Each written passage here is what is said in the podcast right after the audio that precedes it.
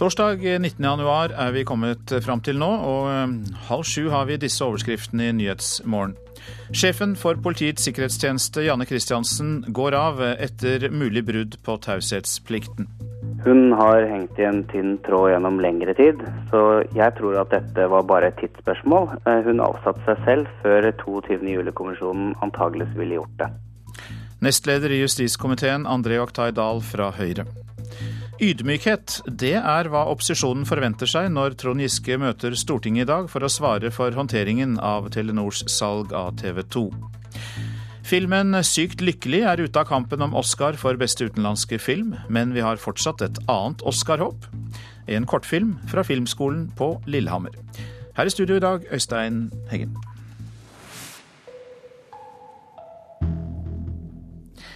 Janne Christiansen går av som PST-sjef med øyeblikkelig virkning. Bakgrunnen er at hun eh, offentliggjorde gradert informasjon under 22.07-høringen på Stortinget i går, og at Christiansen gjennom det kan ha brutt taushetsplikten. Justisminister Grete Farmo sier i en pressemelding at det ikke er eh, konstatert noe lovbrudd, men at hun har valgt å imøtekomme et ønske fra Christiansen om å gå av. PST-sjefens tabbe er at hun i går røpet at Norge gjennom Etterretningstjenesten har representasjon i Pakistan. Dette sa PST-sjefen på direkte spørsmål om norsk kontakt med Pakistan. Men vi har også via E-tjenesten et, et, eh, De har også, de som er utenlandstjenesten, har eh, godt og nært samarbeid. Eh, det, vil si, det må de svare på selv. Men kan, de har, de har representasjon i disse landene du tenker på. Vi har jo nært samarbeid med E-tjenesten. På bakgrunn av denne tabben valgte justisminister Grete Faremo la Janne Christiansen gå med øyeblikkelig virkning. På Stortinget mener flere at Janne Christiansen lenge har vært utsatt, og at det derfor ikke er overraskende at hun valgte å trekke seg. Nestleder i Stortingets justiskomité, André Oktay Dahl fra Høyre, mener 22.07-kommisjonen uansett ville avsatt henne, og at hun kom dem i forkjøpet. Men han mener også at dagens uttalelser er alvorlige.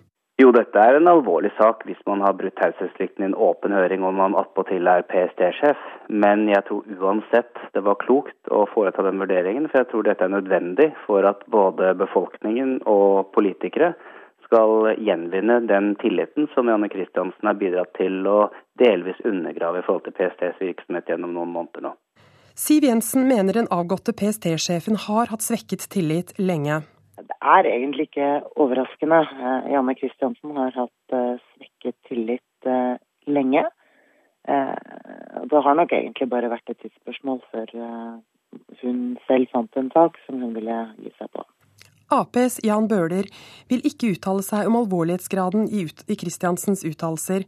Han er overrasket over at hun valgte å gå av. Hun gjorde en grei opptreden, eh, så det kom overraskende at det var noe der som skulle føre til eh, det, det vi nå ser. Eh, så hun, hun gjorde det helt ordentlig, ordentlig jobb ellers i høringen.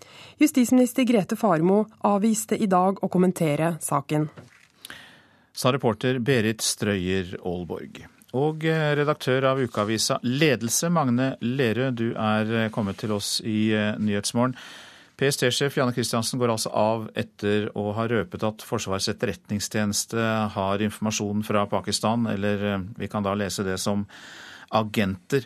Og er den forseelsen alene så alvorlig at den krevde hennes avgang?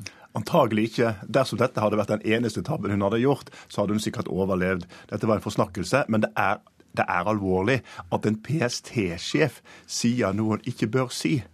Eh, dette har jo vært eh, noe av profilen Kristiansen eh, har hatt. Altså, hun har snakket veldig åpent. Hun har jo snakket sikkert de journalister har blitt litt overrasket. Hun har, hun har snakket i ingresser og, og, på en måte skapt oppmerksomhet gjennom det hun har uttalt om vanskelige saker.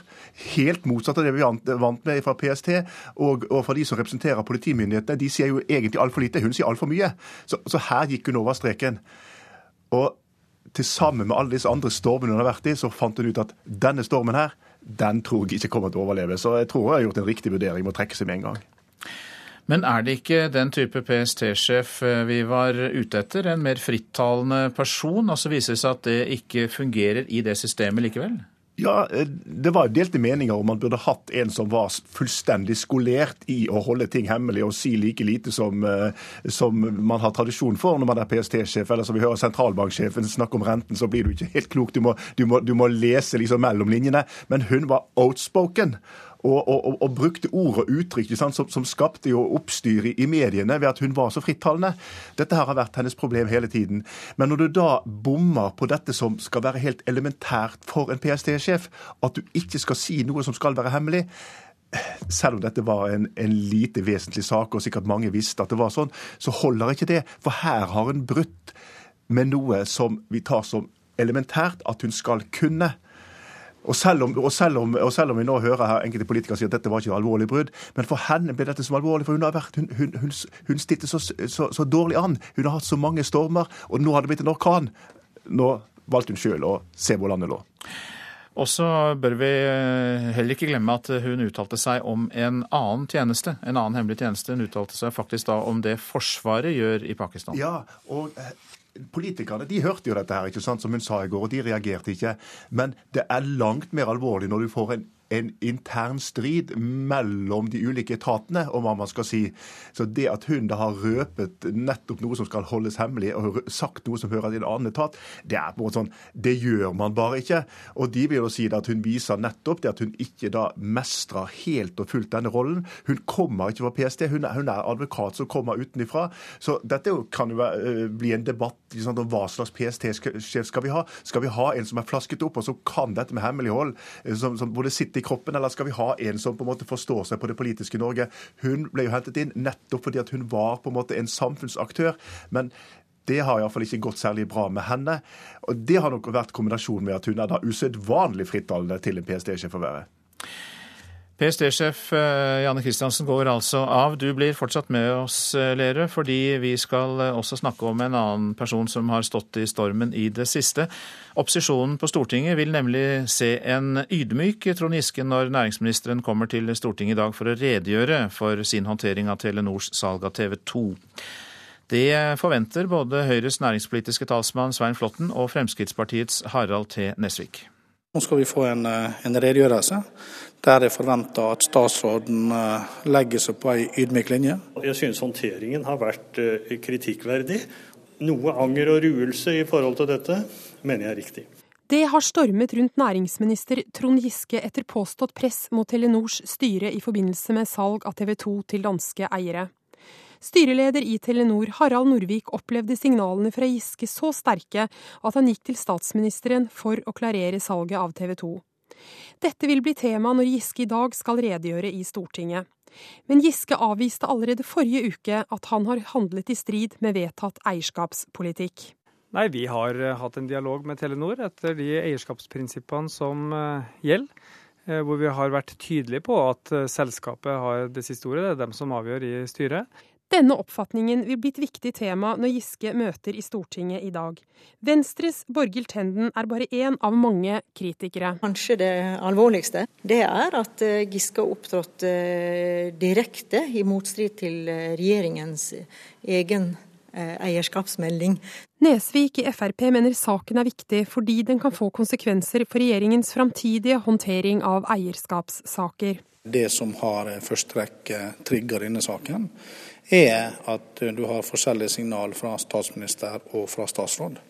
Eh, og Spørsmålet er hvordan vil da regjeringa, eh, eller regjeringsrepresentanter eh, agere i andre saker. Fordi at det er mange departement som har eieransvaret til forskjellige selskap. Høyre er så misfornøyd med Giskes TV 2-håndtering at de vil ha nye retningslinjer for statsråders forhold til statlig eide selskaper.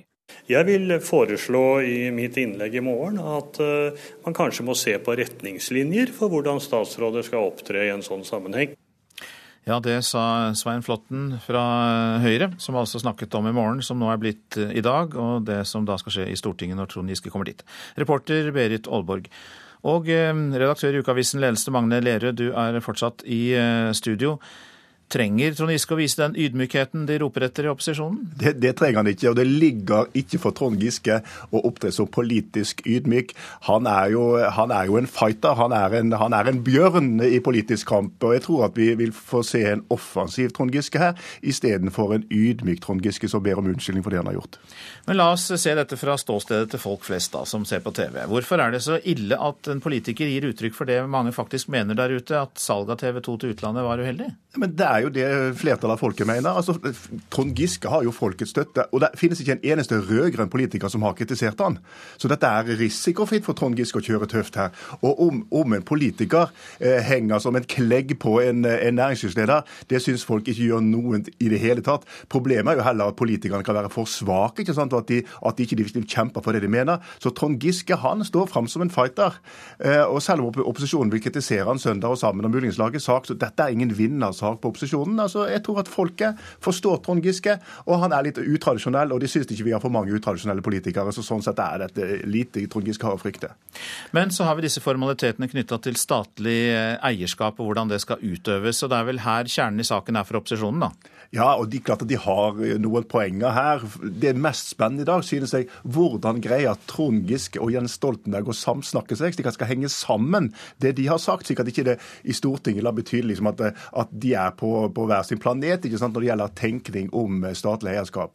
Men, men Trond Giske er en mester til å formulere seg, eh, og, det, og Jens Stoltenberg også er jo veldig god til på en måte å dekke over den, den uenigheten som måtte være. slik at De vil være opptatt i dag av på forsvare forsvare det som Trond Giske har gjort, og samtidig at det ikke skal fremstå som det er uenighet innad i regjeringen.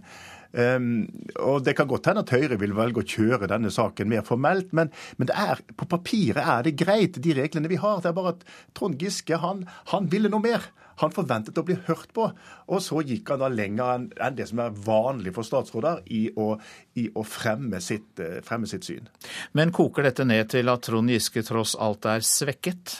Ja, på en måte er han svekket, og på en annen måte er han styrket. Altså, Opposisjonen vil jo gjøre alt de kan uh, i dag for å si at han er svekket. ikke sant? Og, og vi hører her uh, i, i, Dagens Næringsliv i dag så står jo fondsforvalter og sagt at hvis han holder på sånn, så kommer staten til å tape verdier for milliarder. Men Trond Giske kommer ikke til å holde på sånn. Han vil si at dette var en regel, har et unntak. Dette var unntaket vi bør ha et nasjonalt eierskap over TV 2. Det er bare det det dreier seg om. Det dreier seg ikke om at han akter å blande seg inn i hva eh, de statlige selskapene foretar seg i forretningsmessige disposisjoner. Så Sånn sett blåser man denne saken opp til noe som den egentlig ikke, ikke fortjener, når alt kommer til alt. Mange takk skal du ha, Magne Lerøe. Du er eh, redaktør i ukeavisa Ledelse. Og vi skal se på dagspressen nå, hva som står der. Derfor gikk PST-sjef Janne Christiansen av i natt. Det skriver VG på sin forside. Her er hysjtabbene ord for ord, skriver avisa. En kvinne tildekket av nikab er på Klassekampens forside. Det er bokaktuelle Ashia Shesadi som sier at muslimer må stå sammen. I morgen vurderer hun å delta i den omstridte Afghanistan-demonstrasjonen i Oslo. Misbrukt av ekstremister er Dagsavisens oppslag med bilde av eh, Shabane Rehman, Laila Bokhari og Saera Khan. Flere toneangivende debattanter er ufrivillig innmeldt som støttespillere i Facebook-gruppen til morgendagens Afghanistan-demonstrasjon. Jaktet på fødemaskin er Dagbladets oppslag, som viser 20 sladdede bilder av ukrainske kvinner som Anders Behring Breivik kontaktet på et ukrainsk datingnettsted. Møhlenpris skole i Bergen har så uappetittlige toaletter at barna tisser på seg framfor å gå på do, får vi vite i Bergensavisen. I en kommunal rapport går det fram at skolen har forfalt totalt. Løfter ikke troen høyt, er vårt lands omtale av Mitt Romney. Den republikanske presidentkandidaten er både biskop og misjonær i mormonersamfunnet, men det snakker han nødig om. Flere bedrifter i utenlandsk eie er oppslaget i Nasjonen i dag. Antall bedrifter kontrollert av utenlandske eiere har økt med 60% fra år 2000. Fellesforbundet vil ha et statlig investeringsfond. I kø for luksusleiligheter, bl.a. på Tjuvholmen i Oslo, skriver Dagens Næringsliv, men vi får også vite at det er tungt å selge praktvillaer i Holmenkollåsen. Fredag er den nye fridagen, er overskriften som pryder Aftenpostens forside, sammen med bilde av en skiløper på høyfjellet i strålende sol. Menn jobber mindre enn før, og flere tar seg fri på fredag. Det viser den nye tidsbrukerundersøkelsen. Finland kan få bedre våpensikkerhet, for i dag legger en arbeidsgruppe fra Innenriksdepartementet fram et nytt forslag. Arbeidet ble satt i verk etter terrorangrepene i Norge 22.07. i fjor. Finland har svært mange våpen per innbygger, på en tredjeplass i verden etter USA og Jemen.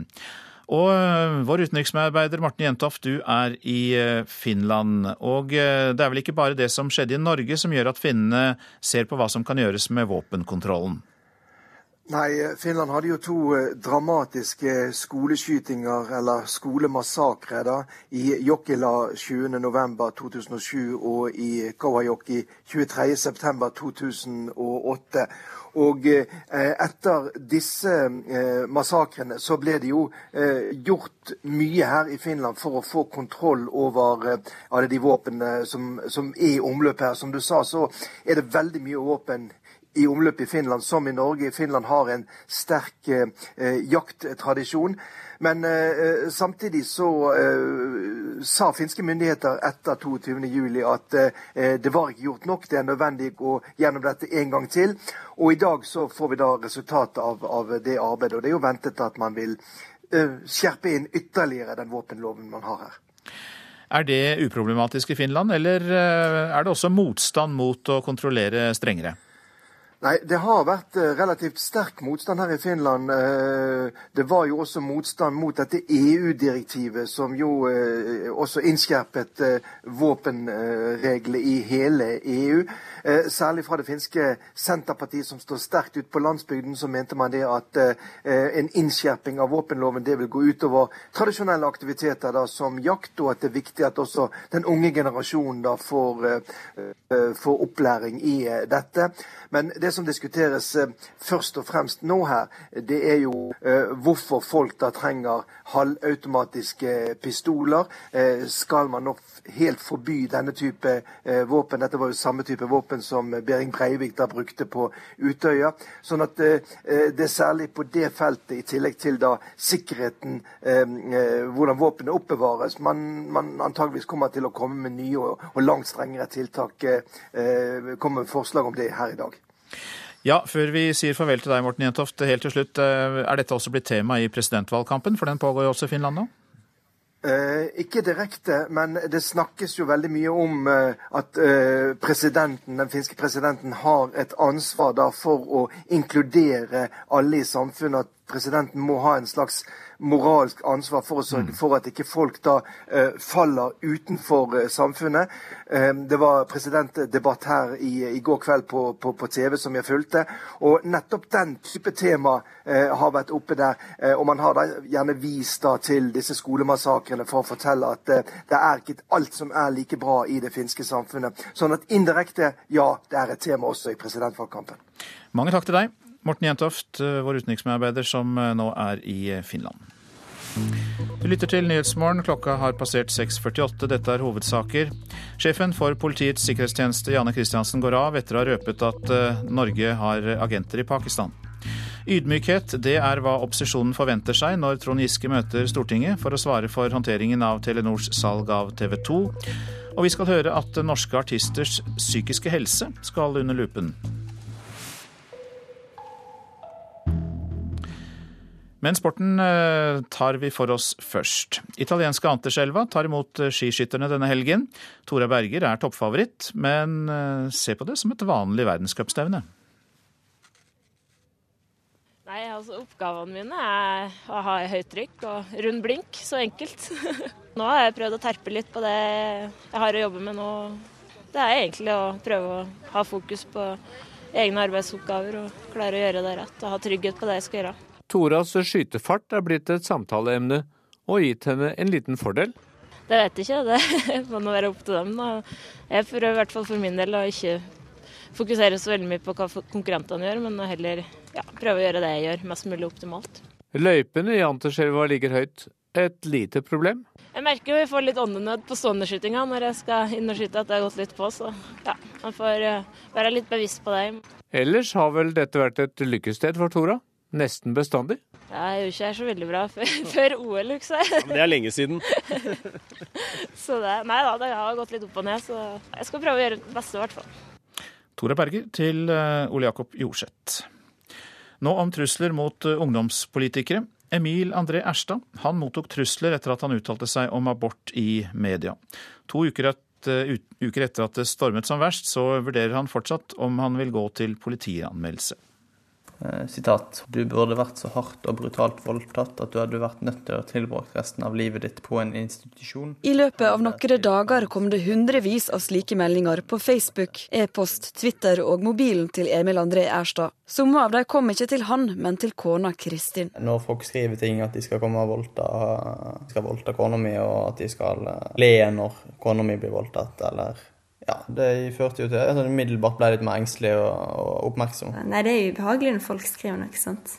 Det er jo det. Meldingene kom etter et intervju om abortpolitikk, som ifølge Erstad handler om hvordan en kan få ned tallet på abort i Norge. Så våkna 20-åringen til overskrifter han ikke kjente at. Som KrFU-leder vil nekte voldtatte kvinner abort på VG. Jeg føler meg sterkt misforstått av eh, medier som har skrevet om dette. da. NRK har kontakta flere av avsenderne, men ingen vil gjenta det de har skrevet eller uttale seg om det. Eh, personhets har ingenting i en debatt å gjøre. Det har heller ikke hat. Selvfølgelig så eh, så tror jeg at dette kunne skremt folk vekk fra politikken. Det er grenser for hva man skal finne seg i av støffel. Politikkprofessor Frank Aarebrot sier nye medier har gjort debatten råere. Han tror mange ikke forstår hva de gjør når de taster og sender. Folk tenker ikke gjennom det at når du skal liksom uttrykke det med noen ganske få uh, ord på f.eks. en Twitter-melding, så blir det veldig unyansert det du sier. Og det er veldig lett å, å gripe til et skjellsord. Og da blir det veldig lett over i sjikane. Meldinger som er meint å skape frykt, er straffbare. Årebrot råder offentlige personer til å legge ut sjikanerende meldinger på internett med fullt navn på avsender. Når folk ytrer seg i det offentlige rom og de finner seg i å bli brettet ut i full offentlighet Erstad gikk på Twitter og la ut en av tekstmeldingene kona fikk. Det blir veldig motivert til å eh, kjempe for det jeg tror på. Reporter Runa Victoria Engen. Nå til norske artisters psykiske helse, for den skal under lupen. Artister sliter mer med psykiske problemer enn andre yrkesgrupper. Og rus og prestasjonsangst, det er eh, da stikkord for det som kan prege underholdningsbransjen. Nå skal eh, omfanget av helseproblemer til folk i denne bransjen kartlegges i en stor undersøkelse. Sambandet-bassisten Morten Skage har selv kjent artistlivets eh, bakside. Ja, Det er jo en slags form for ekstremsport, det vi holder på med. Vi er på kontoret til rockebassisten Morten Skage. Han kan se tilbake på et langt yrkesliv på scenen, som bassist i TNT og i Åge og Sambandet. Det har ikke bare vært lett. Du skal reise, og plutselig skal du prestere på en helt uh, eksepsjonell måte. Og da um, blir du også uh, i etterkant veldig sliten, kan bli. Norske artisters psykiske og fysiske helse skal nå under lupen i en landsomfattende undersøkelse. Den gjennomføres av doktorgradsstipendiat Jonas Våg i samarbeid med Norsk underholdningsmedisinsk institutt. Til høsten skal de sende ut 4500 skjemaer til norske artister med spørsmål om arbeidsliv og helse. Men prosjektleder Terje Tranås har allerede nå gjort et overraskende funn. Artisters mentale helse er nesten ikke forsket på fra før av. Det Grunnen til det tror jeg rett og slett at man ikke har sett på det som uh, fullverdige karrierer. Man får fortsatt spørsmål om hva gjør du til vanlig når man sier at man er musiker, at man jobber som lydmann, eller at man er crew, eller jobber rundt omkring i opplevelsesindustrien. Så, så blir ikke det 100% sett på som en vanlig jobb. Er man ikke heldig som får lov til å drive med musikk, da? Man, er det ikke noe man velger når man blir rockestjerne? Det blir for meg et argument som hører hjemme mer på eh, hobbynivå på et vis, enn eh, at jeg har det som karrieren min. Han etterlyser mer initiativ fra organisasjonene. René Rasmussen i Musikernes Fellesorganisasjon er enig i at artistenes psykiske helse ikke er godt nok belyst. Vi eh, vet dessverre altfor lite om omfanget av psykiske helseproblemer blant eh, våre medlemmer. Det er jo det vi håper å få sett litt mer av når denne doktorgradavhandlingen er ferdig. Først om tre år kan vi vente oss en konklusjon. Inntil da har Morten Skage følgende råd til musikere som er redde for å gå på en smell. Når jeg har vært hjemme, så har jeg vært veldig til stede. Og det har gjort at jeg har fått et pusterom i det å være artist. Så, men det er jo ikke alle som har den muligheten, da. Så det har jo blitt sånn at vi som har hatt god erfaring, vi tar jo vare på de unge artistene, og det ønsker vi å gjøre så at de har en trygg hverdag. Og forberede dem på både bransjen og holdninger og generelt hva de skal møte. Vi sier jo til hverandre at vi, vi har jo store ører, så vi lytter. Reporter var Ina Strøm. Det blir ingen Oscar på norsk spillefilm i år. I går kveld så ble filmene som er med i siste heat for å bli nominert til kategorien beste utenlandske film kjent, og Norges bidrag, Sykt lykkelig, var ikke på den lista. Produsent Synnøve Hørsdal tar det hele med fatning. Man må jo forberede seg på den store konkurransen som er der. Den har jo ligget veldig godt an, så det er klart. Man blir jo skuffet idet den ikke kommer med. Det gjør man. Hei! Velkommen. Å, du ikke si du var pen! Og du var høy! Sykt lykkelig med regi av Anne Sewitsky konkurrerte med 63 andre filmer om å bli såkalt shortlisted før de endelige nominasjonene til beste utenlandske film blir kjent i slutten av måneden. Filmen dro hjem pris på fjorårets Sundance-festival, og ble nevnt som Oscar-favoritt i anerkjente filmmagasiner. Men for Synnøve Hørsdal, som har produsert filmen, holdt det ikke helt i mål. Og jeg er veldig stolt av filmen, må jeg si. Eh, mottagelsen den har fått internasjonal har jo vært eh, enormt bra. Og ikke minst i USA. Direktør ved Norsk Filminstitutt Nina Refseth er skuffet, men ikke overrasket over at Sykt lykkelig er ute av Oscar-dansen. Det veldig hard konkurranse, og det var veldig mange sterke filmer. Så får vi være litt eh, nabopatrioter og håpe at Danmark kommer videre til nominasjon også i år. Og prøve å lære litt av dem fremover. For danskene er blant de ni som nå kjemper om en nominasjon med filmen Super Classico. Å ja, vi har jo møtt din kjæreste. Hva? Ja, han er det andre? Han var nøgen. Han er noen.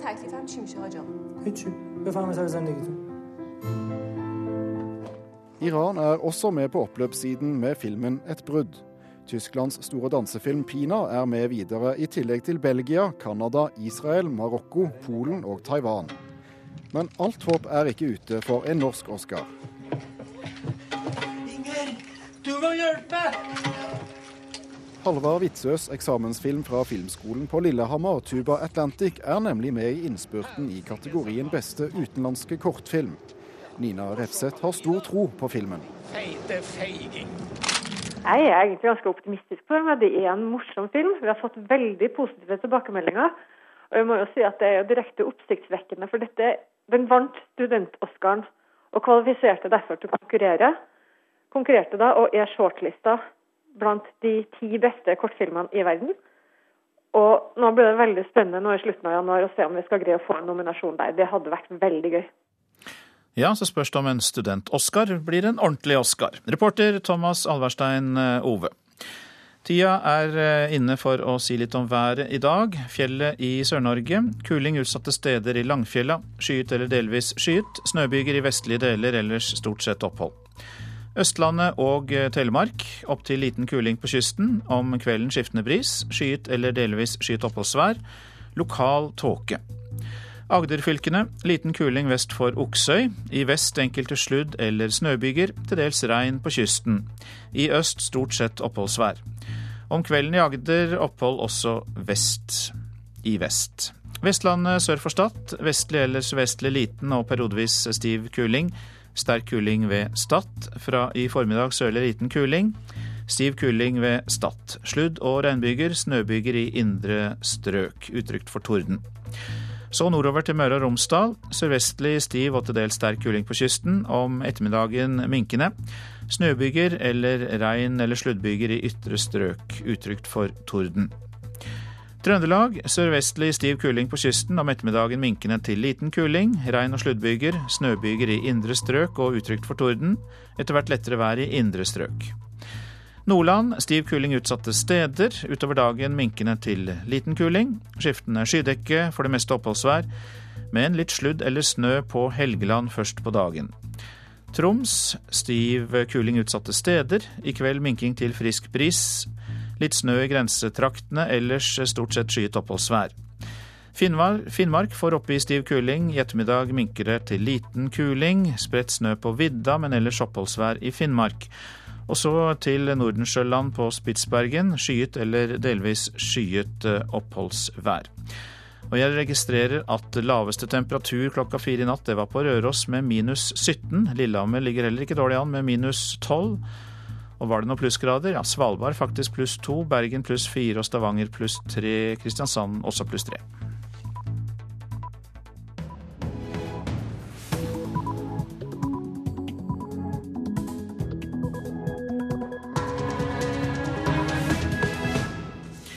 P2s Nyhetsmorgen er programmet du lytter til. Klokka er sju, og her er Øystein Heggen i studio med en nyhetsoppdatering.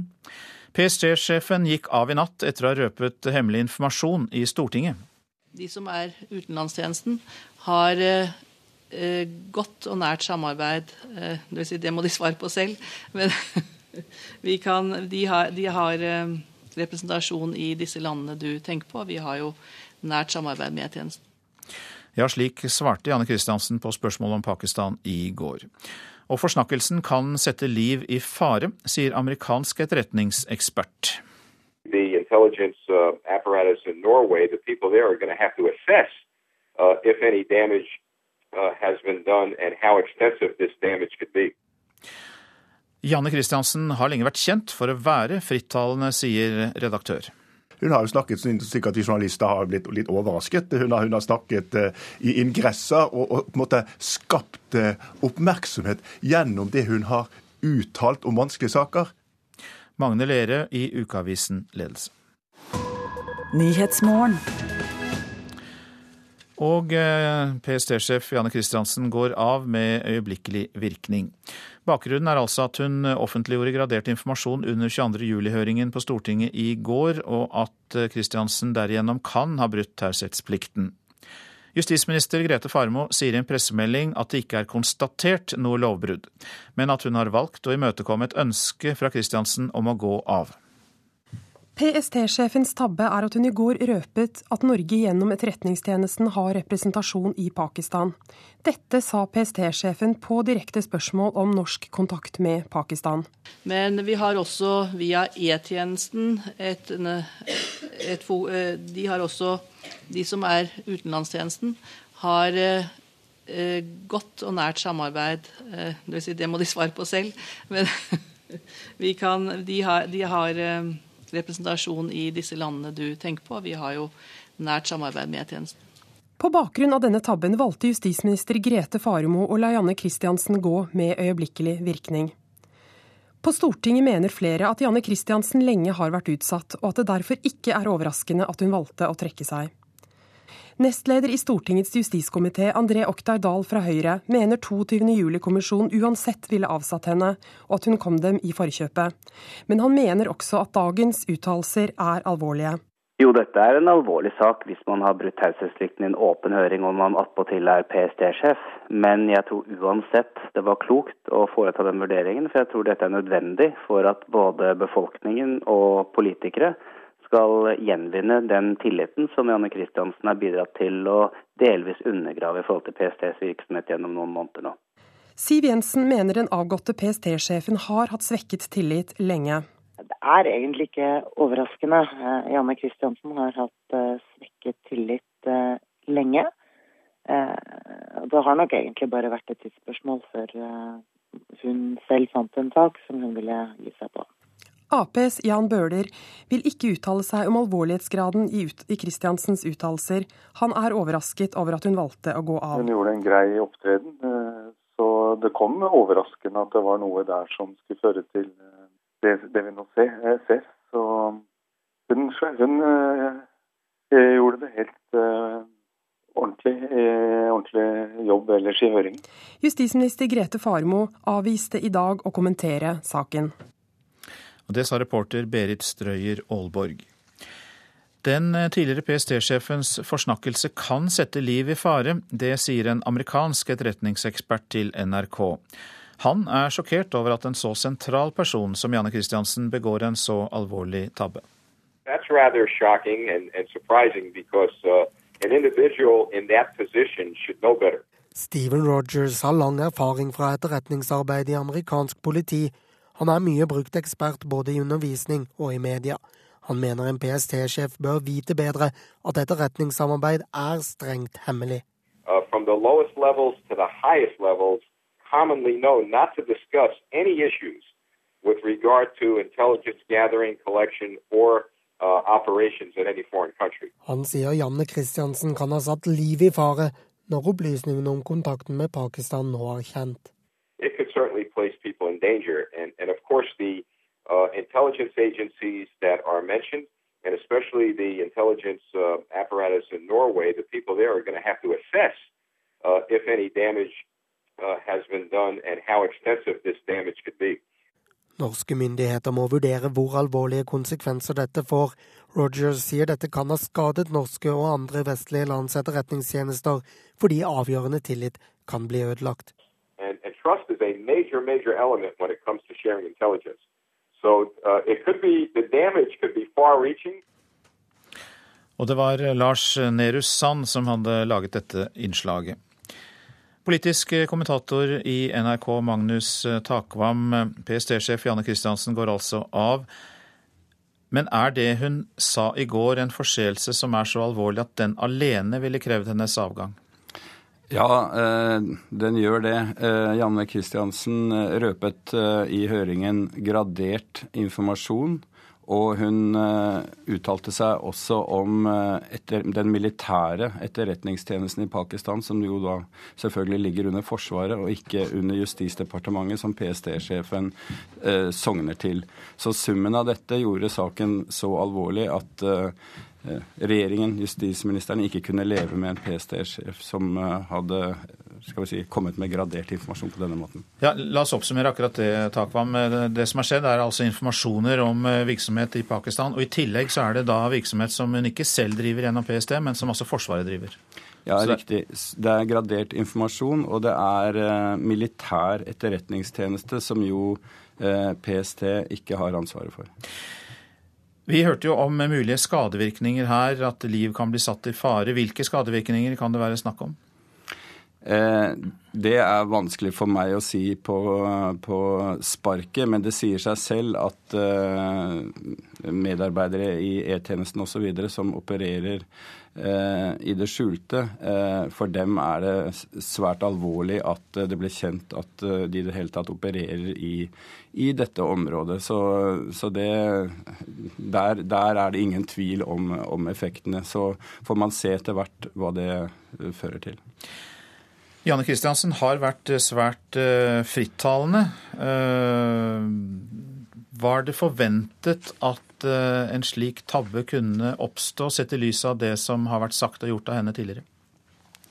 Nei, altså Men det er ingen tvil om at summen av uttalelser og, og, det PST-sjefen har sagt og måttet forklare seg om i etterspillet etter 22.07, har svekket hennes stilling både utad blant folk flest, tror jeg, og internt i PST, men også i forhold til, eh, til regjeringen og justisministeren, som har ansvaret for, for sikkerhetstjenesten. Og det var eh, på det tidspunktet da det oppsto uklarhet om Eh, hva som hadde skjedd i forbindelse med det såkalte Global Shield, eh, som jo ble en sak i desember som det måtte ryddes opp i. På det tidspunktet eh, var Janne Christiansen lå hun veldig tynt an når det gjelder å kunne fortsette. Så det var like før hun måtte gå den gangen. Det, det, da snakket vi om en mulig sporing av Anders Behring Breivik før terrorhandlingene? Ja, og det var informasjonen PST-sjefen kom med om hva som faktisk var gjort eller ikke gjort eh, omkring denne navnelisten der Behring Breivik eh, var, som skapte uklarhet, og som gjorde at også Grete Faremo, justisministeren den gangen, på et tidspunkt måtte si at eh, det var faktisk PST-sjefen selv som hadde bidratt til denne forvirringen. Og det måtte det da ryddes opp i, og hun fikk eh, fortsette med nød og neppe. Ja, Før vi slipper deg nå, Magnus Takvam, helt til slutt og kort. Eh, noen virkning for justisminister Grete Farmo dette? Nei, Det kan jeg ikke se. Eh, det som, eh, det som var tungtveiende den gangen da man, man, man kunne tenke seg at hun kanskje burde ha gått tidligere. Eh, det som gjorde at hun likevel fortsatte på det tidspunktet jeg var inne på i stad, var vel hensynet til tjenesten i seg selv. At å sparke en PST-sjef eh, skaper så mye uro og usikkerhet i tjenesten selv at det veide tyngre enn å la henne gå pga. de tabbene som vi var inne på. Mange takk skal du ha, Magnus Takvam. Vi går over til vår utenrikskommentator eh, Gro Holm. Vi skal snakke med deg om en konflikt som seiler opp mellom Høyesterett og statsministeren i Pakistan. Men aller først stikker jeg inn et spørsmål. Altså, hvor viktig er behovet blant vestlige land nettopp for å ha lytterposter, skråstrek agenter, i et land som Pakistan? Det er klart det behovet er stort, og for øyeblikket av flere grunner. Eh, for det første så er vi eh, deltakere i en krig i nabolandet Afghanistan, eh, hvor Pakistan spiller en ikke så veldig uviktig rolle. Fordi det er hjemland for, for den afghanske geriljabevegelsen Taliban.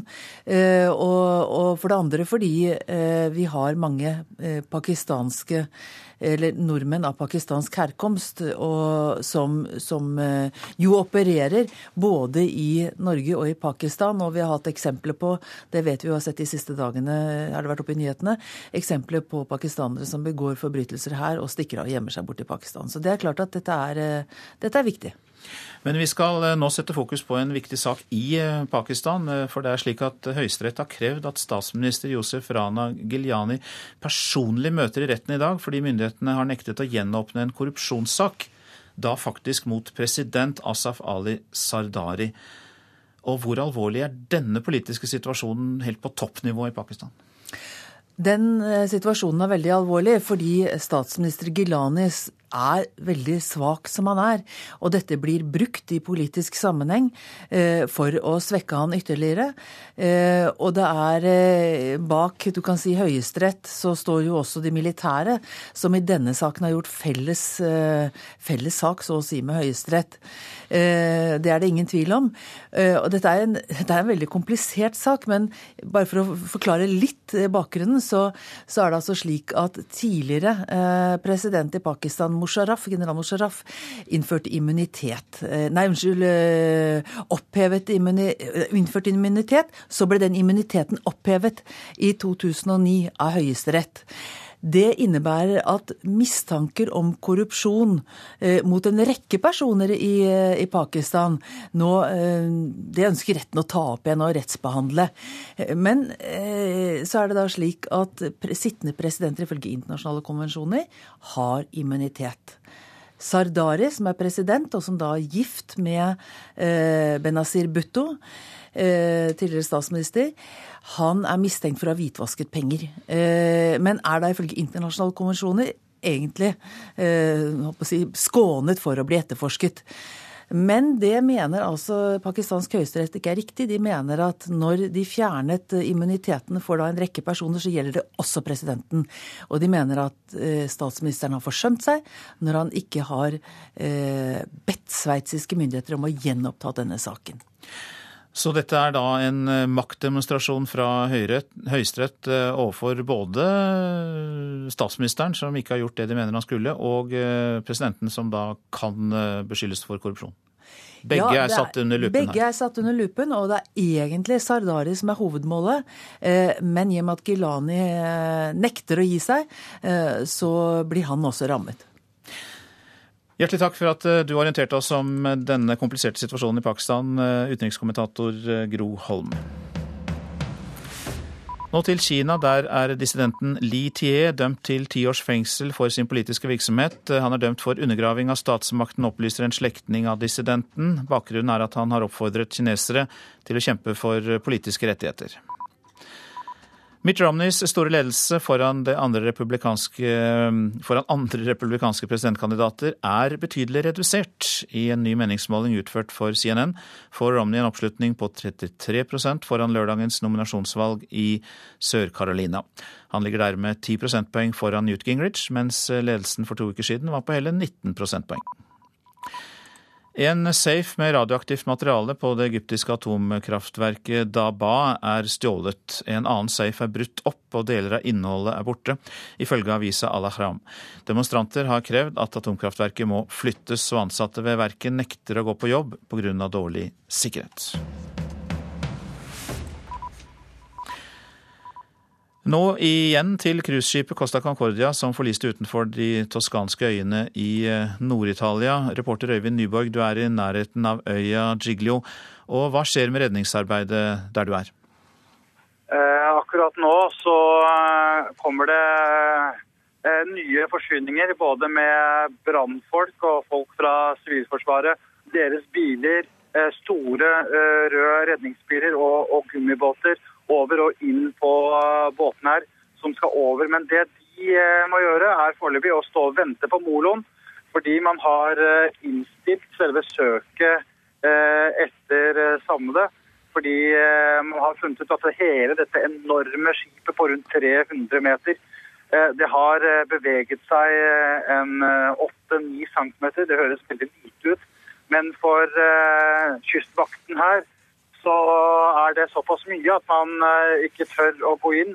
Og Det betyr også at eh, man må avvente eh, pumping av disse enorme mengdene med råolje som befinner seg på skipet. Og som igjen da øker faren for en enorm miljøkatastrofe. Nå er vel elleve mennesker funnet omkommet. Er det noen flere opplysninger om de savnede, Øyvind Nyborg? Uh, nei, det er uh, ikke funnet uh, noen nye, bortsett fra i, i, går så dukket det opp en kvinne som meldte seg i Tyskland. Hun hadde hele tiden stått på listen over savnede, men dette viste seg ikke stemme, og hun var i fullt levende live. Hun meldte altså, seg da for politiet i Tyskland i går. men det er klart at hvis vi skal tenke på selve arbeidet her, så er det jo eh, et så stort skip med mange tusen lugarer. Det er svømmebasseng og restauranter og kinoer. Eh, og eh, det er et vanskelig arbeid å skulle søke gjennom alt. Og I går kom det også meldinger om at en av dykkerne som da hadde skåret seg inn i skipet, tatt seg inn for å lete etter savnede, han ble skadet og måtte på sykehus.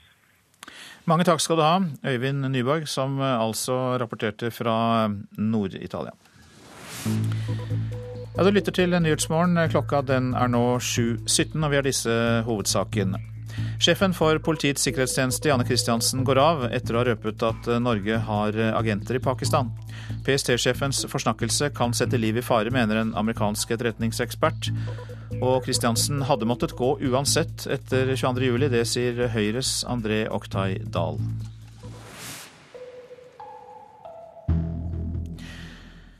Så til olje og fisk. For Oljedirektoratet og Fiskeridirektoratet krangler åpent om skyting med seismikk, om det er skadelig for fisket eller ikke. Fiskerne sier at denne bruken av kraftige lydbølger ødelegger fisket, og de holder fartøyene unna når seismikkfartøyene kommer. Nylig ble det gitt tillatelse til skyting i Barentshavet ut januar, midt i gytevandringa til torsken. De erfaringene jeg har, og mine kollegaer som driver samme fiskeri, at fisken blir skremt. Det er ikke noe å diskutere. Fisker og fiskebåtreder Ståle Dyb fra Godøya utenfor Ålesund levner ingen tvil om hva han mener om seismikkskyting på fiskefeltene. Med 35 års erfaring i fiskebåten har han levd med seismikkskyting i Nordsjøen, Norskehavet og i Barentshavet. Men om ikke Ståle Dyb synes dette er noe å diskutere, så synes fagmyndighetene innenfor fisk og olje nettopp det. De er enige om én ting, og det er at de er uenige om seismikk har noen effekt på fisk og fiske.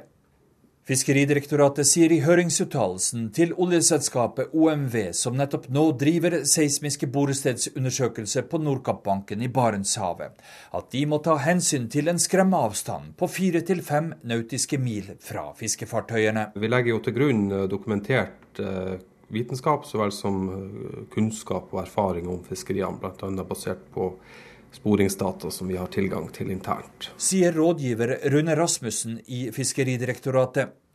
Det at seismikkfartøy må holde en skremmeavstand på fire til fem nautiske mil fra en fiskebåt, er nå standard i deres høringsuttalelser. Oljedirektoratet skriver i tillatelsen til OMV at de tar avstand fra ønsket om skremmeavstand. Seniorrådgiver Øystein Rettvik sier det er en naturlig konsekvens av at de to er blitt enige om å være uenige. Så på den bakgrunn så eksisterer det ingen offisiell enighet om noen minsteavstand, og derfor så kan vi heller ikke forholde oss til det. Samtidig med seismikkskytinga på Nordkappbanken foregår den årlige vandringen av torsk inn mot kysten av Nord-Norge og Lofoten. Fisker Ståle Dyb var med på et eksperiment med autolinebåten Loran i 1992, nettopp på Nordkappbanken. Han sier at selv på en avstand av 18 nautiske mil fra seismikkfartøyet så forsvant fisken. Resultatet var at et i utgangspunktet godt fiske ble katastrofalt dårlig etter at seismikkskytinga begynte. Ståle Dyb er nå bekymret for at seismikken kan skade den årlige torskevandringa fra Barentshavet. Men at de nå skal begynne å skyte i gytevandringer, og nå er verdens største gytevandring skal eh, til Lofoten og til verdens største gytefelt. Hvis de nå begynner å skyte når den torsken er i vandring, det kan få konsekvenser, uante konsekvenser. Reporter var eh, Morten Ruud. Ja, økonomikommentator eh, her i NRK, Steinar Mediås. Dette er jo en konflikt som har pågått lenge mellom oljeleting og fiske. Så hva er det som står opp mot hverandre her? Hvor er det konflikten nå topper seg, ser det ut til? Først og fremst er det jo overraskende at dette det ene direktoratet så å si kan overse det andre. At Oljedirektoratet bare kan se bort fra Fiskeridirektoratet. Når Fiskeridirektoratet sier at av faglige grunner så bør man holde en avstand her. Eh, vi vet jo at eh, all annen type aktivitet til havs er jo nitidig regulert, og at fiskerne må jo forholde seg til Fiskeridirektoratet. Eh, men oljeindustrien slipper altså å gjøre dette. Og det er overraskende fordi at vi har holdt på med oljeutvinning nå i snart 40 år. og at slike forhold ikke er regulert bedre enn det synes å være her. Og det er jo slik at dette er en teknologi, denne skytinga med seismikk eh, ja, Lydbølger er det vel snakk om, har jo vært brukt siden 60-tallet, så vidt jeg vet. Har man ikke da noe forskning som viser virkningene av den, og hvordan man skal forholde seg til den etter så mange år?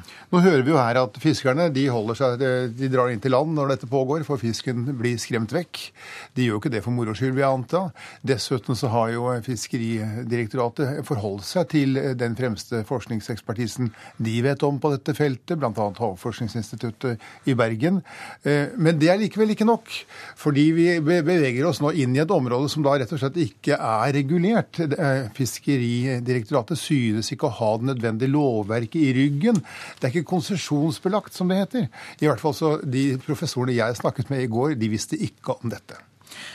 Hvem tror du kommer til å vinne denne konflikten? Eh, fisken eller olja? Ja, eh, dette er, det er jo interessant. To, to eh, direktorater er jo underlagt hvert sitt departement. Hvert sitt departement sitter med hver sin statsråd, som sitter i den samme regjeringen. Eh, og i den regjeringen bør man jo til syvende og sist kunne skjære igjennom på slike forhold. Eh, skulle man anta hva som skjer, så er det jo, det er jo god stemning rundt olje for tiden. Eh, oljesiden tjener penger. Fiskeridepartementet eh, kan ikke akkurat skryte av så mye av det samme. Men eh, det ville overraske meg om, om eh, vi har blitt, fått så høy oljefeber her i landet at det går utover den rene forstand. Jeg vil anta at man kommer til en klok avgjørelse til syvende og sist. Men uansett så må jo den avgjørelsen opp i systemet. Det kan jo ikke ha direktorater som står og stanger mot hverandre hele tiden. Så dette må jo skyves oppover, kanskje på regjeringsnivå. Ja, det, det må opp på regjeringsnivå. Eh, og, og, eh, hvis ikke det løses på departementsnivå eh, før det kommer i et regjeringsmøte.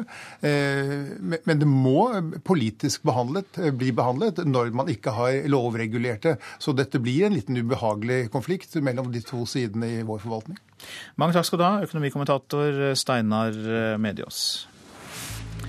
Så til avisenes eh, forsider. Derfor gikk PST-sjef Janne Christiansen av i natt. Det skriver VG på sin forside. Her er hysjtabbende ord for ord, skriver avisa. En kvinne tildekket av nikab er på Klassekampens forside. Det er bokaktuelle Ashia Shesadi som sier at muslimer må stå sammen. I morgen vurderer hun å delta i den omstridte Afghanistan-demonstrasjonen i eh, Oslo. En vri på samme sak har Dagsavisen, som skriver 'misbrukt av ekstremister'. Bildet av Shabana Rehman, Laila Bokhari og Shera Khan. Det er toneangivende debattanter som ufrivillig er innmeldt som støttespillere i Facebook-gruppen til morgendagens Afghanistan-demonstrasjon. Jaktet på fødemaskin er oppslaget i Dagbladet. Det viser 20 sladdete bilder av ukrainske kvinner som Anders Behring Breivik kontaktet på et ukrainsk datingnettsted. Flere bedrifter i utenlandsk eie er oppslaget i Nasjonen. Antall bedrifter kontrollert av utenlandske eiere har økt med 60% fra år 2000. Fellesforbundet vil ha et statlig investeringsfond. Møhlenpris skole i Bergen har så uappetittlige toaletter at barna tisser på seg framfor å gå på do, får vi vite i Bergensavisen. I en kommunal rapport går det fram at skolen har forfalt totalt. Fredag er den nye fridagen, er overskriften som pryder Aftenpostens forside, sammen med bilde av en skiløper på høyfjellet i strålende sol. Menn jobber mindre enn før, og flere tar seg fri på fredag, viser den nye tidsbrukerundersøkelsen.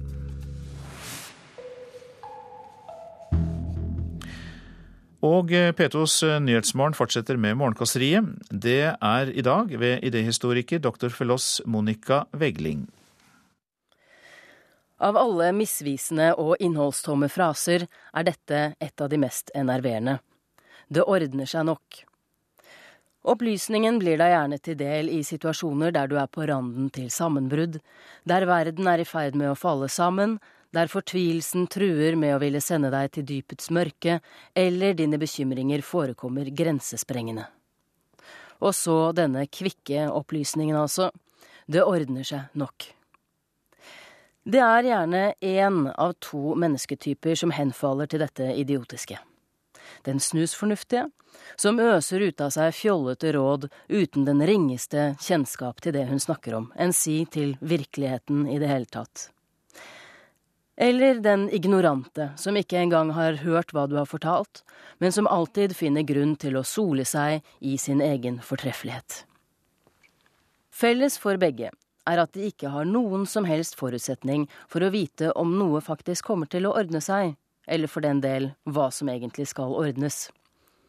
Et annet fellestrekk er at når disse vennligsinnede, det må vi anta at de er, tåpene lirer av seg disse glosene, er det i ramme alvor.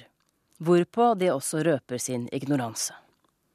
De vet åpenbart ikke at uttrykket i sin tid ble lansert som en ironisk kommentar, nettopp til at ting ikke går seg til, men at alt faktisk går rett til helvete. Uttrykket dukket nemlig opp i 1934 i filmen med nettopp den tittelen Det ordner seg nok. Det var en komedie der alt gikk galt, og der den ene ulykksalige episoden etterfulgte den andre på ekte slapstick-vis. Nå ender det naturligvis godt for hovedpersonen, som får sin kvinne å lykkes i sitt arbeid. Men det er ikke dermed sagt at alt er i orden. For i kjølvannet av disse to lykkelige ligger det en rekke ulykkelige som det absolutt ikke ordnet seg for. Frasen er derfor ikke spesielt eksakt, ettersom den henviser til en historie der kun et fåtall lykkes, mens andres skjebne viser seg grell og ulykkelig. Men, og det er alltid et men. Hva betyr det nå egentlig at noe ordner seg? For når frøken Snusfornuftig insisterer på dette, har hun jo for så vidt rett. Det vil faktisk alltid bli en orden på ting, det vil si orden i begrepets rette forstand. Det vil bli en struktur, en forutsigbarhet og en ro omkring tingenes tilstand, uansett. Midtøsten, for eksempel. Det vil aldri bli noen god løsning. Barn kommer fremdeles til å bli drept, landområder okkupert, men konstant krise og dermed forutsigbarhet, og det er sannelig orden. Det har ordnet seg. At noe ordner seg kan også bety at det blir system i ting. Ikke nødvendigvis lykke, men oversikt og forutsigbarhet. Ja, orden. Et vanlig eksempel Mor flytter fra far, som aldri får se barna sine mer, og mister foreldreretten, og må betale barnebidrag han ikke har råd til, og ender med å måtte bo på en hybel der det uansett ikke er plass til å la barna besøke ham. Men det ordnet seg jo. Det ble et system, og nettopp forutsigbarhet. Nitrist, kanskje, men orden er det sannelig. Så ja, begrepet er gyldig også her. Dermed må jeg bite i meg ordene jeg innledningsvis lot falle, at kun den ignorante bruker dette uttrykket. og at det er fjollete, innholdsløst og feilaktig. For selv om alt går lukt til helvete, så er det jo tross alt en orden. Om det er til din bunnløse disfavør, spiller jo ingen rolle, så lenge uttrykket er gyldig. Så ja vel, jeg gir meg. Ti poeng til den snusfornuftige. Det sa idéhistoriker dr. Floss Monica Vegling. Produsent for Nyhetsmorgen i dag, Silje Katrine Bjarkøy. Her i studio, Øystein Heggen. Og 30 år etter Falklandskrigen er det fortsatt ordkrig mellom Storbritannia og Argentina. Det skal vi høre om etter Dagsnytt.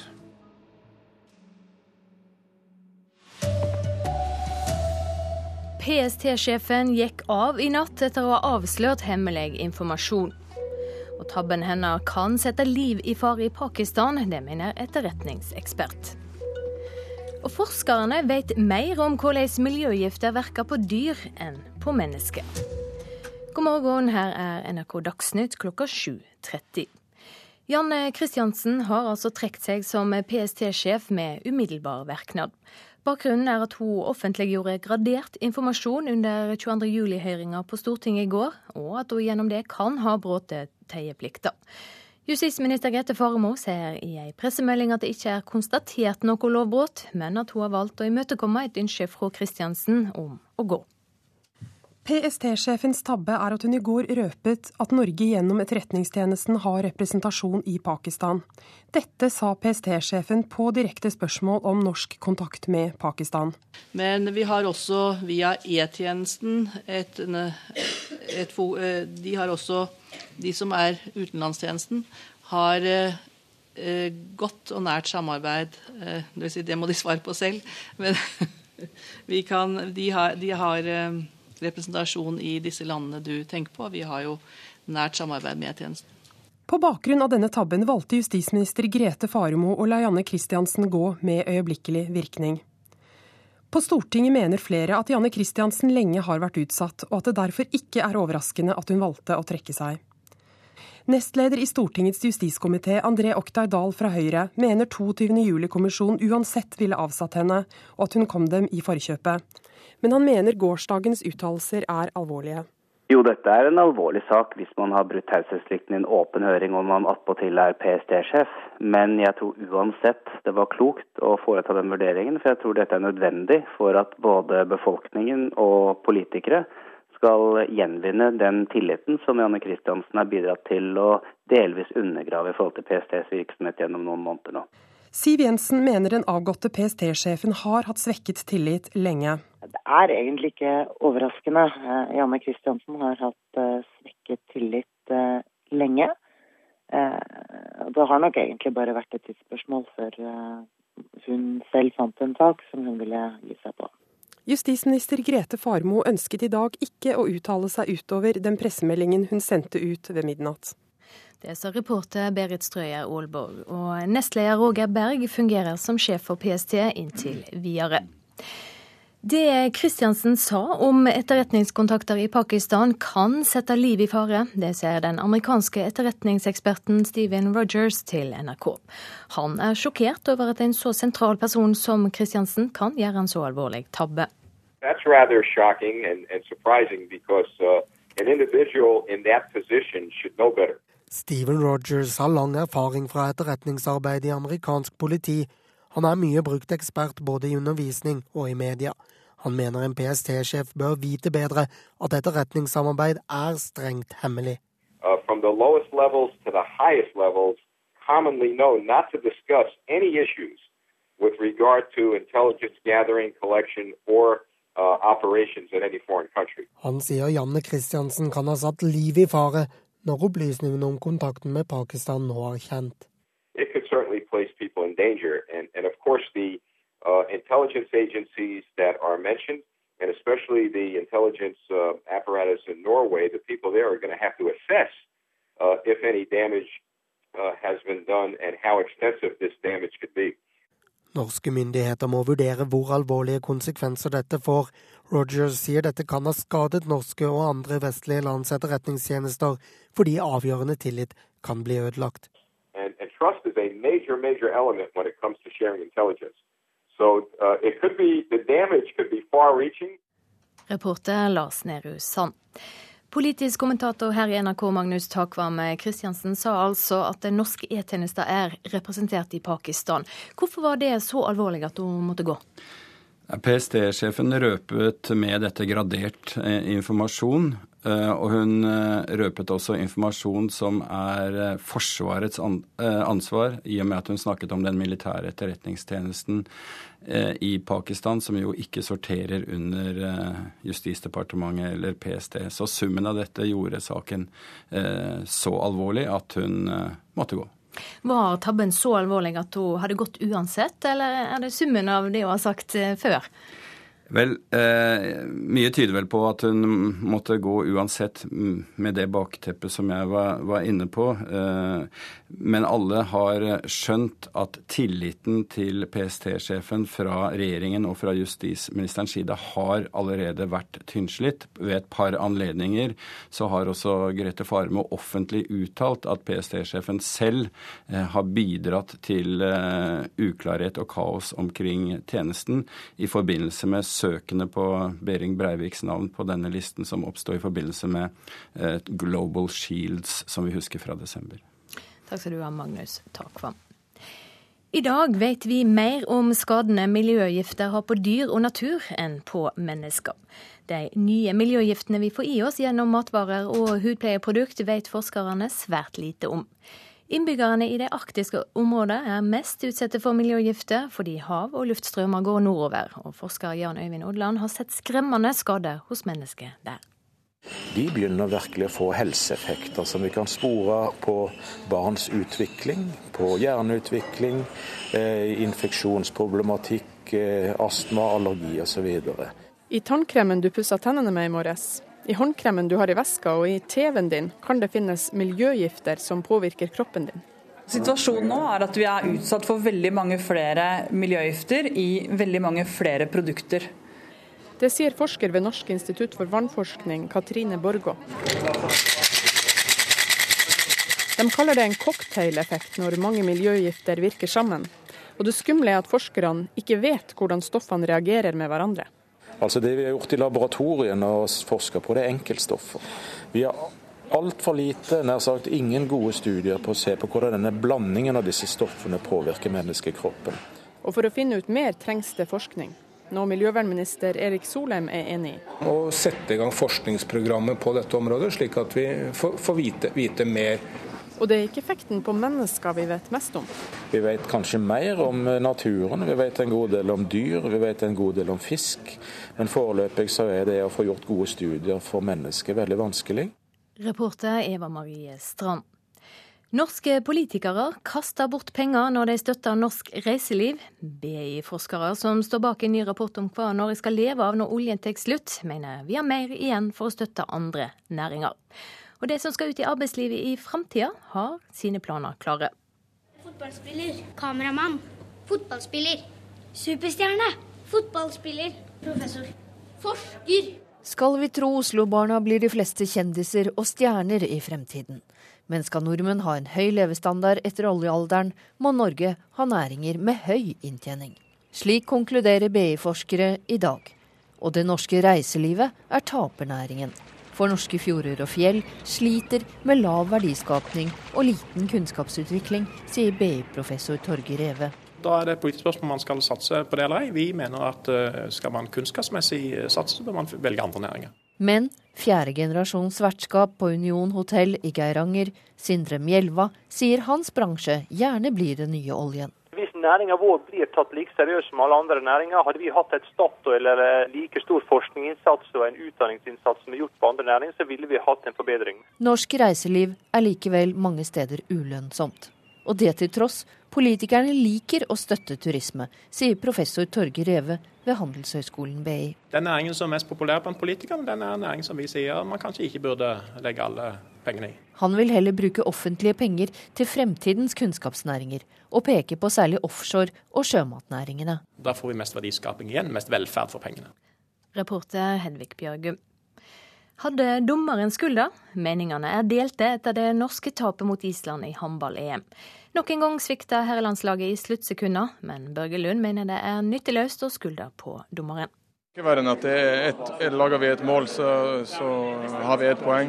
I sluttsekundene går Bjarte Myrhol over ende på streken. Dommeren blåser ikke straffe. Kampen ender med islandsk tomålsseier. Fra min posisjon så syns jeg Bjarte blir revet over ende. Eh, Soleklar straffe. Sier Erlend Mamelund. Men NRKs håndballekspert Øystein Havang mener det norske laget kun har seg selv å takke. Vi er forbanna på at det ikke ble eh, sjumeter, men det er jo egentlig angrepet før vi, eh, vi, dummer oss ut. Og igjen så viser vi at vi ikke er eh, oppgaven voksen så svært, svært skuffende på en dag hvor vi virkelig kunne slått Island.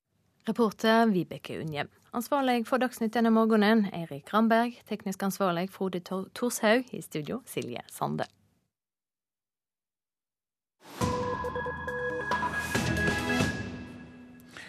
Den britiske statsministeren har hisset på seg Argentina ved å beskylde dem for kolonialisme. Det skal vi høre mer om i Nyhetsmorgen nå. For 30 år etter Falklandskrigen så har striden om den britiske øygruppa utenfor Argentina blusset så sterkt opp igjen at britene forbereder seg på en ny konflikt. And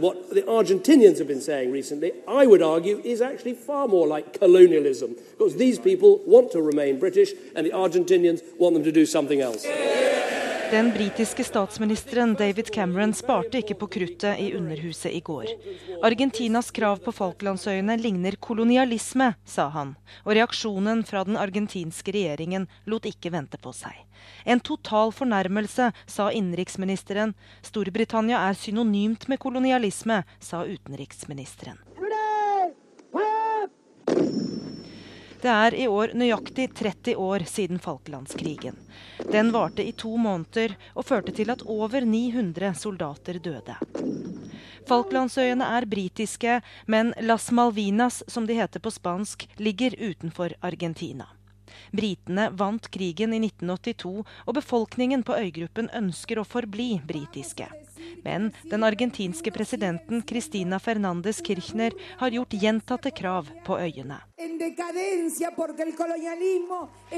Rett før jul fikk Argentina støtte for kravet fra andre søramerikanske land, som bl.a. har innført forbud for skip som seiler under Falklandsøyenes flagg, å bruke deres havner.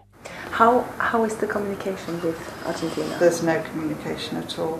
Det er overhodet ingen kommunikasjon med Argentina, svarer Falklandsøyenes representant i London, Suki Cameron, på vårt spørsmål. Gjennom 90-tallet var den argentinske regjeringen interessert i dialog med de rundt 3000 innbyggerne på øygruppen, men det har endret seg totalt. So, yeah, Argentina,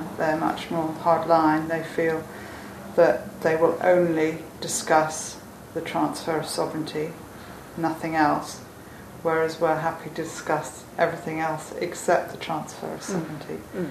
Mens argentinerne kun vil snakke om råderetten, vil vi snakke om alt annet enn råderetten, sier Suki Cameron. Navnebroren David Cameron holdt tidligere denne uka møte med sitt sikkerhetsråd, der eneste sak på agendaen var Falklandsøyenes sikkerhet.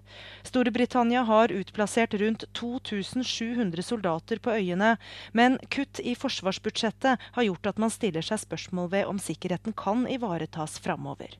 I februar skal prins William tjenestegjøre på øyene, og hans planlagte tilstedeværelse har provosert argentinerne ytterligere. Og med statsminister Camerons provokasjoner fra det britiske parlamentet i går, kan det bli en annen slags 30-årsmarkering av Falklandskrigen enn man hadde tenkt. Sure order, which is why the National Security Council discussed this issue yesterday. But the key point is we support the Falkland Islanders' right to self-determination. Ja, vi hørte den britiske statsministeren David Cameron der, og denne saken var laget av korrespondent Gry Blekastad Almås eh, i eh, London. Du lytter til eh, Nyhetsmorgen. PST-sjefen går av etter å ha røpet at Norge har agenter i Pakistan. Avsløringen kan sette liv i fare, sier amerikansk etterretningsoffiser. Og eh, forskerne vet mer om hvordan miljøgiftene virker på dyr enn på mennesker. Vi får i oss nye miljøgifter gjennom matvarer og eh, hudpleieprodukter. Ja, Bjørn Bø, du har eh, kommet i studio, og det er vel flere som vil kommentere PST-sjefens avgang i Politisk kvarter i dag? Ja, det er det, men vi skal heller ikke glemme at næringsminister Trond Giske står skuderett i Stortinget i dag.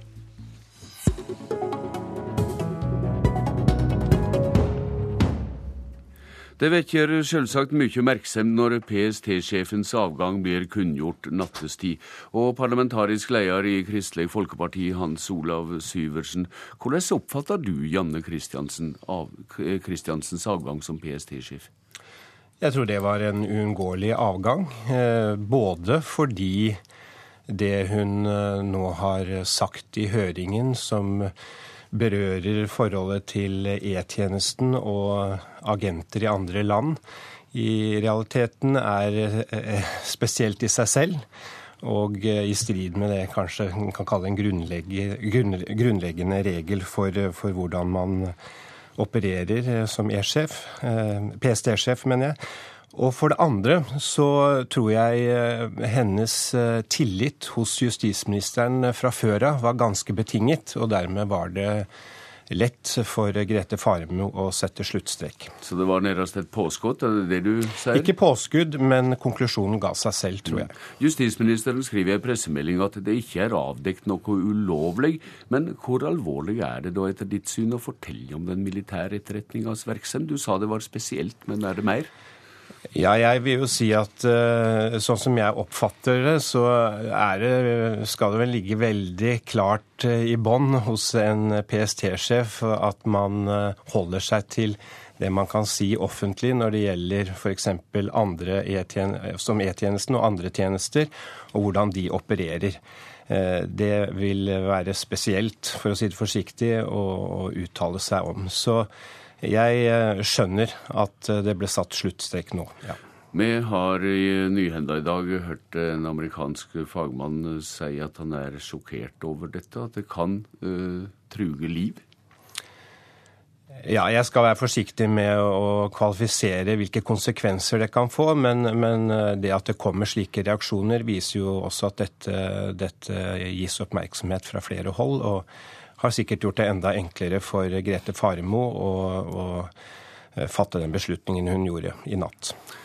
Eh, vi har også med kommentator i Dagens Næringsliv, Kjetil Alstaheim. Hvor overraskende synes du det er at Janne Kristiansen trekker seg som PST-sjef, som det formelt heter? Det er, det er, jo ikke overraskende at, eh, at, hun går. Det som er overraskende, er at hun må gå pga. en ny tabbe, og ikke pga. en av de tabbene hun har gjort tidligere. Eh, det har jo vært eh, ligget nærmest som en, en, forventning at hun kom til å gå eh, pga. hvordan hun håndterte 22.07. og uttalelsene hun kom med da. Og, og, og, de manglene som ligger i PSTs arbeid før 22.07. Men så kommer denne saken, mm. altså at sjefen i PST ikke kan holde på hemmeligheter. Som jo er, er veldig spesielt. Hvor, hva følger får dette, slik du ser det, i det landskapet som er rundt 22. juli-hendelsene? Jeg tror det vil eh, få betydning for den videre debatten. Eh, vi startet eh, i høst med en diskusjon om hva gikk galt og hvem må gå. Og dette hvem må gå-spørsmålet var ikke minst knyttet til daværende justisminister Knut Storberget og PST-sjefen. Nå har Knut Storberget gått fordi han vil ha mer tid til familien, og så går PST-sjefen pga denne saken, og da blir det en mindre debatt eh, fremover, tror jeg. I hva grad har dette politiske implikasjoner?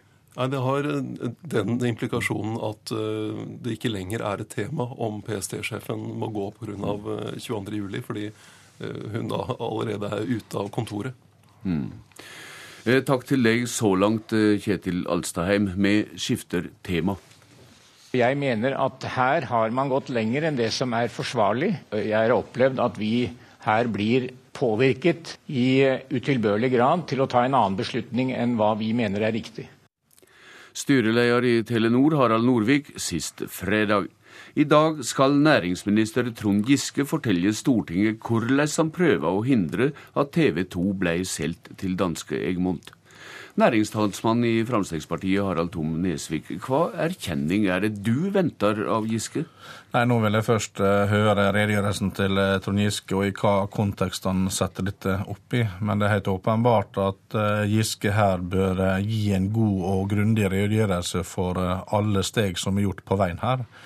Og jeg forventer også at Trond Giske sier litt om hvordan han kommer til å utøve det statlige eierskapet som han har ansvaret for, eh, i tida fremover, og hvorvidt man vil følge de retningslinjene som han sjøl har tatt til orde for, og om Stortinget har sagt ja til. Krever du at han må legge seg flat?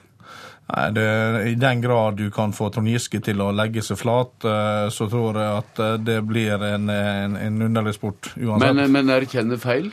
Ja, det syns jeg faktisk at de bør gjøre. Mm. Hva reaksjon kan Stortinget ha mot en statsråd som sitter i en flertallsregjering? Nei, Stortinget kan ikke ha noen reaksjon. Stortinget kan ved alvorlige tilfeller eventuelt stille mistillit overfor en, en statsråd. Eh, men nå syns jeg at eh, vi skal høre redegjørelsen først. Nå må ikke vi begynne å konkludere. Jeg tror denne saken er på tide at eh, av hensyn til både selskap og andre ting, at han begynner å få et annet fokus. Mm. Hans Olav Syversen, du er fremdeles her, parlamentarisk leder i Kristelig Folkeparti også fremdeles. Hvor naudsynt mener du det er for næringsministeren at han legger seg flat, som det ofte heter, om si håndtering av statens eierskap her? Ja, jeg vil jo tro at eh, de som venter på en næringsminister som eh, legger seg flat, og særlig når han heter Trond Giske, de, de må ofte vente en stund. Så jeg eh, tror ikke en skal ha altfor store forventninger til det. Men jeg håper at næringsministeren vil klargjøre hvordan han tenker at statlig eierskap skal utøves. Og for så vidt også hvordan han mener eh, kontakten med i dette tilfellet Telenor bør være. For vi i KrF vi er absolutt for et aktivt eh, eierskap, mm. men at det skal være ryddig. Ja, Kristelig Folkeparti har før ment at staten som eier bør styre mer, til dømes når det gjelder Statoils oljesandprosjekt ja, i Canada? Og, og det er jo interessant at da vi tok opp dette spørsmålet i Stortinget, eh, hvor vi mente at Statoils eh, engasjement eh, der eh, var i strid med helt andre virk, målsettinger vi har for f.eks. vår miljøpolitikk, så sa Giske, og da kan jeg sitere, det er i strid med god eierskapsforvaltning å gå inn i en slik sak. sitat slutt. Så dette var en sak han ikke ville være aktiv i i det hele tatt. Denne saken ville han være aktiv i, så vi trenger i hvert fall en klar eh, melding og en opprydning i hva regjeringen faktisk mener med aktivt eierskap. Ja, Det forstår jeg at du lurer på, men eh, så lurer en kanskje på hva det mener også. Ja, mener det at man skal utøve aktivt eierskap også i denne saka med Telenor og TV 2? Jeg har ikke noen problem med om Trond Giske hadde utøvd aktivt eierskap også i denne saken, men da skulle det skjedd i ryddige former. Og det er jo dette som er blitt eh, veldig galt i denne saken. Eh, både at eh, det er en del uformelle måter å prøve å presse på. Samtidig så ser vi at det gis ulike signaler til Telenor fra næringsministeren og fra statsministeren. Og det er klart, da blir det vanskelig for Telenor å forstå hva som egentlig skjer fra regjeringen. Harald Tom Nesvik, er du sammen med det eh, Syversen sier her, om at en kan ønske mer aktivt eierskap, også i en sak som dette? Ja, men Eierskapet til staten skal utøves gjennom generalforsamling. Det skal ikke utøves gjennom SMS-sending eh, rett før et styremøte eller eh, via andre måter. Eh, du kan ha selvfølgelig et eierdialogmøte, men det er viktig at du er klar over og man er veldig oppmerksom på altså når går det fra å være eh, tilkjennegi eiers og gi signal fra eier, og det å utøve utilbørlig press. Denne saken har vel vist at vi er svært i grenseland, kanskje over grensa når det gjelder utilbørlig press. og Det er jo det som er selve saken. Men det som er minst like viktig, altså, som er bakgrunnen for at statsråden må si litt om utøvelsen av eierskapet, det er jo nettopp fordi Stortinget har nettopp behandla retningslinjene. Og I tillegg så er ikke det bare Nærings- og handelsdepartementet som har eierskap i statlige selskap. Du har i hvert fall sju andre departement. Og vi kan ikke ha det slik at disse her statsrådene kan springe ut og ta sine egne personlige meninger. Så skal statsministeren komme og rydde opp etterpå i andre eh, meldinger. Det er uryddig, og det er ikke forutsigbarhet. Og så må vi en veldig viktig ting opp oppi mot dette. For det første så er ikke dette statens penger, det er skattebetalernes som eier disse selskapene. I tillegg, så i Telenor, som man har brukt denne metoden på, så er det faktisk 46% som ikke er staten sine, sine aksjer eh, i dette. Og du, selskapets styre har en forpliktelse til også å ivareta interessene til de andre aksjonærene, ikke bare staten sine. Ja, Syversen, eh, her er, sier vel Nesvik egentlig at uh, staten som eier må abdisere i tidsrommene utenfor generalforsamlingene, som en uh, kanskje av og til kan kalle inn når som helst? Ja, det syns jeg er å, å være veldig formell, fordi det er klart en majoritetseier at vedkommende, som i dette tilfellet er staten i Telenor, tilkjennegir sitt syn. Det syns jeg ikke er noe overraskende, og det bør skje i saker av, av betydning når det er grunnlag for det. Eh, så er det jo spørsmål om, om, dette tas til etterretning eller ikke fra styret. Og eh, da vet man jo at hvis man stadig vekk går på tvers av hva eh, majoritetseier mener, så sitter man jo løst i stolen. Men dette er jo ikke noe man driver med fra dag til dag. Det er jeg helt enig i. Det er jo forbeholdt uh, viktige saker. Ja, Nesvik, blir det avslutta i dag, dette i Stortinget, eller kommer du til å forfølge?